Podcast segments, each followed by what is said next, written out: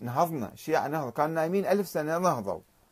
نهضوا قالوا إجوا الفقهاء قالوا طيب تعالوا إحنا نواب الإمام المهدي وعندنا صلاحيات الإمام والإمام عنده صلاحيات النبي فإحنا عندنا صلاحيات النبي.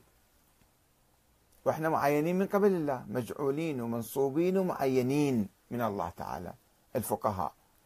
فعندهم صلاحية مطلقة ويقدرون يسوون انقلاب عسكري. يقدرون يلغون الدستور. يردون يحكمون كيف مثل ما يردون. ما حد ما يقدر يناقشهم. ولا أحد يرد عليهم والراد عليهم كالراد علينا والراد علينا كالراد على الله. حرام عليك تحكي كلمة قدام المجتهد أو المرجع. وهذه ولدت لنا حالة من الدكتاتورية. الدكتاتورية الدينية. أن يجي العالم صحيح أكو علماء قاموا بأدوار تاريخية. السيد محمد حسن الشيرازي حرم التنباك وبالتالي قضى على الشركة البريطانية الاستعمارية في أواخر القرن التاسع عشر.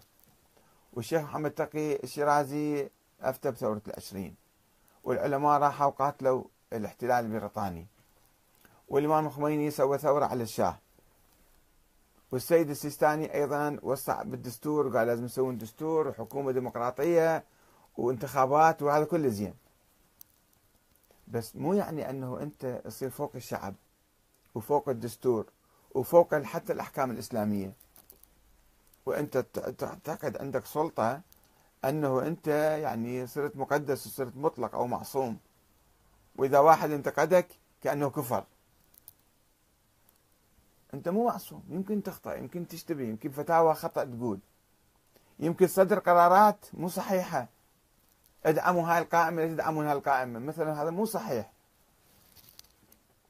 فمو بالضروره كل أعمالك كل خطواتك كل أقوالك كل اشيائك أنت وحي منزل من الله. وبالتالي الناس لازم شلون ما تقول وين ما تمشي يمشون وراك. لازم الناس عندهم عقل يفكرون به. هذا صحيح هذا مو صحيح. مو اتباع أعمى وتقليد أعمى.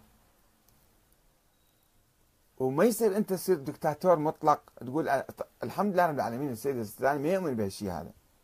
ما يؤمن بولاية الفقيه ولا يقول أنا بدي أصير دكتاتور عليكم.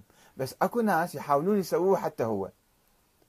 أنه ما تحكي. إذا إذا انتقدت أو سألت سؤال ما يصير تسأله ليش أنت أفهم من عنده؟ طيب مناقشة. أناقشه في مسألة معينة. في فتوى معينة. هاي فتوى بالله غير لي إياها. مو معقولة مو صحيحة. مخالفة للإسلام مخالفة للقرآن مخالفة للعقل مخالفة للذوق مثلا. في فتاوى هالشكل موجودة. إذا قلنا له أي مرجع كان؟ يا سماحة المرجع المعظم آية الله العظمى في العالمين أنت عندك أخطاء. إن حق نقول له ولا ما له حق نقول له؟ ولا كل قرار هو يتخذه يشوف صاحب الزمان ويقول له سويه يعني هذا من الغيب جاية. ما يصير هالشكل. حتى السيد الشيرازي الله يرحمه السيد محمد الشيرازي ينقل يعني قصص. يعني الناس يسوي يألفوها وأكو ناس يصدقوها. ينقل في أحد كتبه وذكرت عن البارحة عندما تحدثت عن الشيرازي. يقول سيد محمد حسن الشيرازي عندما أفتى بتحريم التنباك ضد الشاه ناصر الدين شاه الملك الإيراني أي قال هذا نزل بالسرداب والتقى الإمام المهدي هناك بالسرداب سرداب الغيبة في سامراء هو كان. وأخذ الإذن من عنده حتى أصدر هاي الفتوى. أكو ناس يبثون إشاعات.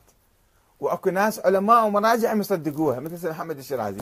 مصدق عن سيد محمد السيد محمد حسن الشيرازي أخذ التقى بالإمام بالسرداب بسرداب يعني كأن الإمام المهدي بعده قاعد بالسرداب ويبثون إشاعات على كل المراجع عن هذا المرجع آه، بحر العلوم أو فلان أو فلان الإمام الخميني الإمام الخامنئي الإمام دائما يطلقون إشاعات. أكو ناس شغلهم هذا إعلام دعاية يسوون.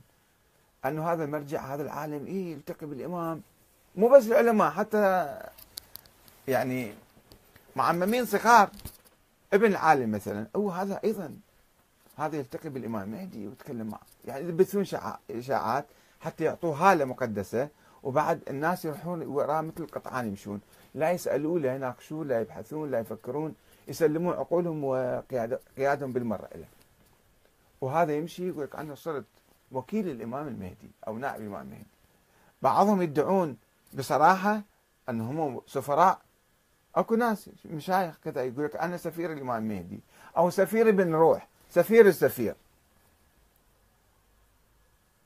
وأكو لا ما يدعون بس اللي حواليهم يسوون لهم دعاية. يسوون لهم دعاية بحيث أنه هذا المعمم سواء كان عنده علم ولا ما عنده علم يصير هذا مقدس ويصير هذا عنده هذا مقدس.